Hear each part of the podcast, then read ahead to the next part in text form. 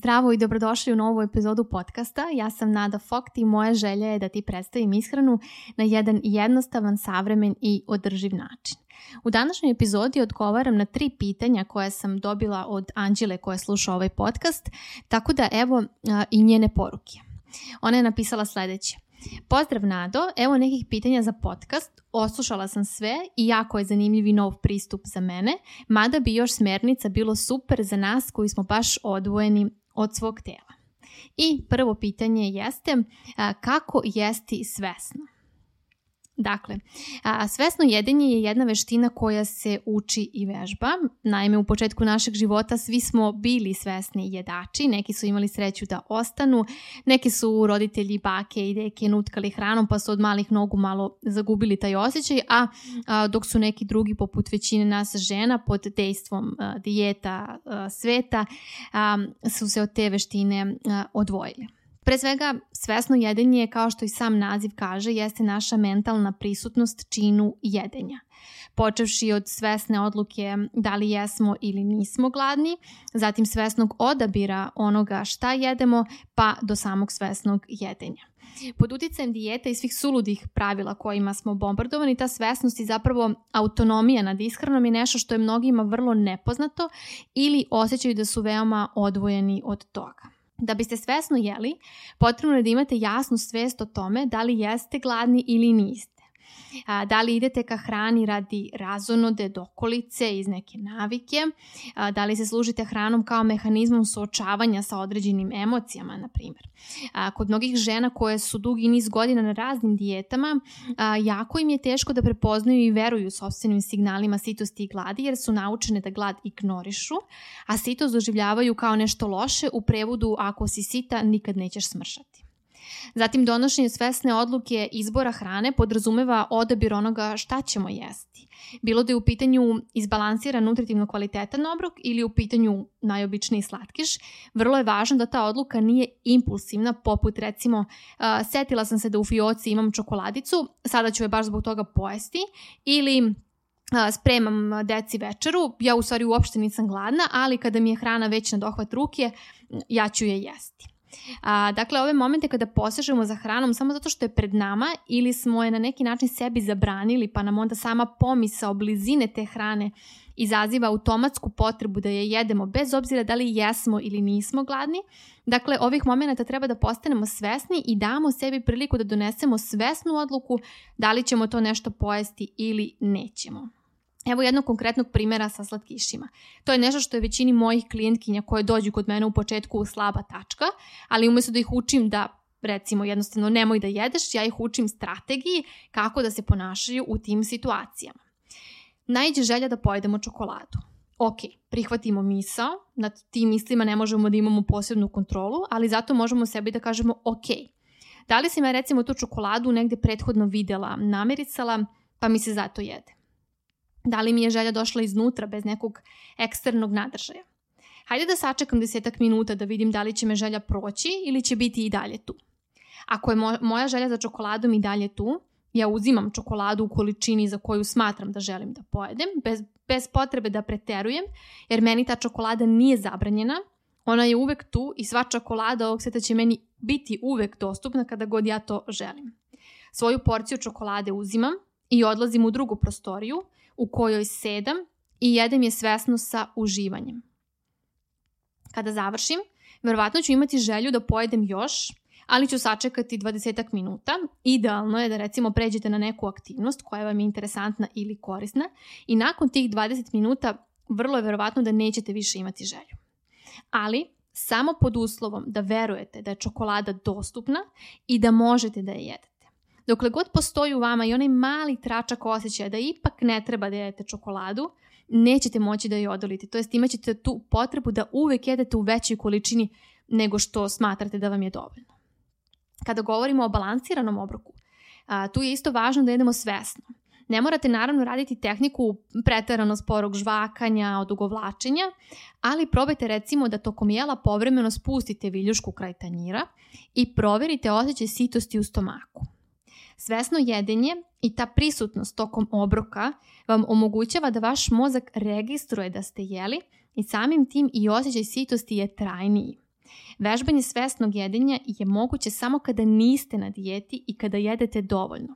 Jer kada neko primenjuje neku restriktivnu dijetu, sasvim je normalno da ima osjećaj izražene gladi i nema te snage volje koja će vas naterati da jedete svesnije ili sporije kada ste vi suštinski izgladnili. Zatim sljedeće pitanje koje je Anđela postavila uh, jeste sljedeće. Da li čak i u zdravom načinu ishrane postoji trenutak kada treba da se stane i koji je to trenutak, kako ćemo ga prepoznati?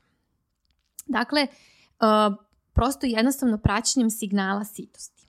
kao što sam rekla, onima koji su dugo na raznim dijetama ili su stalno na tim ciklusima restrikcija, prejedanja, tim ljudima je jako teško da osjete te signale ujedno naravno i da im veruju.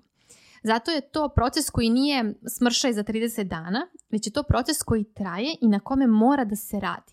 Osoba mora da se posveti tome da obraća pažnju. Mi u programu imamo te vežbe koje moje klijentkinje dobijaju da rade i onda se nakon nekog vremena malo više stiče poverenje u same signale. Neko ko je godinama na dijetama ne može da očekuje da će za nekoliko nedelja da sve resetuje i popravi. Naravno, od samog početka osjećate napredak u tom odnosu prema hrani, ali pravi rezultat stiže tek kasnije. Kao kada učimo novi jezik. Koliko god sati da sedimo i učimo, ne možemo taj jezik da progovorimo za dva dana perfektno. Ipak je potrebno neko vreme, ali naravno uz trud uh, i uz vežbu. Mi u programu imamo još jednu korisnu alatku, to je skala gladi i sitosti, koju naravno oni koji su u programu koriste, to je popunjavaju pre, tokom i nakon svakog obroka. To je skala sa brojevima koji označavaju nivo gladi i sitosti i onda na taj način pratimo. Često zbog otuđenosti od tih signala mnogo nam pomaže kada imamo ovu skalu i kada zabeležimo i prosto pratimo. Ujedno upoznajemo sebe i to kako nam koja hrana prija, koje količine, koje teksture i koji ukusi. Jako je važno da obratimo pažnju i na sve te stvari, jer nije samo poenta jesti nutritivno izbalansiran obrok. Taj obrok mora biti prilagođen našem individualnom ukusu. Jer kada to nije, nesumnjivo dolazi do potrebe da još jedemo jer nismo zadovoljili taj ukus, već samo energetsku potrebu. I sada malo tehnički deo odgovore na pitanje. Dakle, u programu imamo neki vodič kroz pravilnu ishranu gdje je napisano kako svako prema sebi kreira porciju, dakle imamo neki vizual porcije, to je tanjira. Ako vi nakon obroka osjetite glad u roku od 2 sata, to je verovatno obrok koji nije bio zadovoljavajući, pa onda znate da naredni put može biti obimniji. Isto tako, kada 5, 6 ili više sati nakon obroka uopšte ne osjećate glad, to znači da je taj obrok možda bio preobiman. I verovatno i imate osjećaj manje prijatne sitnosti, pa onda znate da sljedeći put ćete pojesti manje. Ova svesna kontrola porcije se čini kao ograničavajuća i nemoguća misija, posebno za one iz dijeta sveta. Obično bi rekli, pa ja kada bih znala koliko treba da jedem, ne bih imala problema. Ja to razumem, zato program i služi da uz strategije naučite i ovladate koliko vam je potrebno, što ne znači da svaki put treba kao robot da jedete precizno, ali stičete veštinu da upravljate svojom ishranom na način na koji vama odgovara, a to se upravo stiče iskustvom i vežbom. Zato dijete kao dijete ne funkcionišu jer vas ne uče kako treba da jedete, već vas uče kako da jedete ako želite da smršate i onda ne stičete osjećaj i ne upoznajete sebe kroz proces i svoje potrebe. Zatim sljedeće pitanje je bilo koliko sam shvatila, zdrav, izbalansiran način ishrane o kojem vi pričate ne znači da bi trebalo da jedemo sve i bilo kad, već da slušamo svoj organizam. Šta je sa onim situacijama kada nam mozak govori da smo gladni, a stomak nema neku specijalnu reakciju, tipa prošlo je 3 sata od posljednjeg obroka, tehnički još nam ne krči stomak, ali mozak se alarmirao. Evo i odgovora. Tako je, sva hrana ovog sveta može biti deo naše ishrane, ali to ne znači da ne treba da slušamo signale svog organizma i da jedemo hranu samo zato što je pred nama.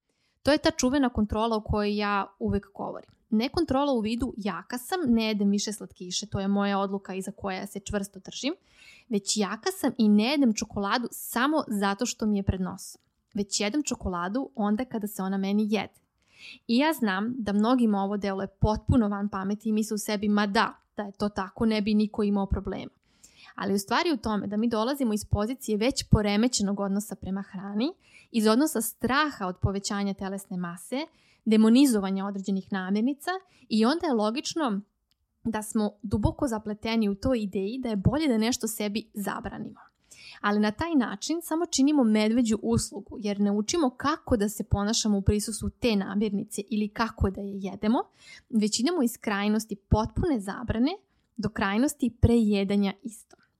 Isprva deluje svima kao lakša odluka da nešto isključimo iz svoje ishrane. Ono, ono tipično, ma meni je lakše da presječem i da to ni ne jedem, ali stvar je u tome uh, što smo mi živa bića okružena tom hranom i u nekom trenutku, pre ili kasnije, bit ćemo u iskušenju da to nešto i jedemo, što je sasvim ok.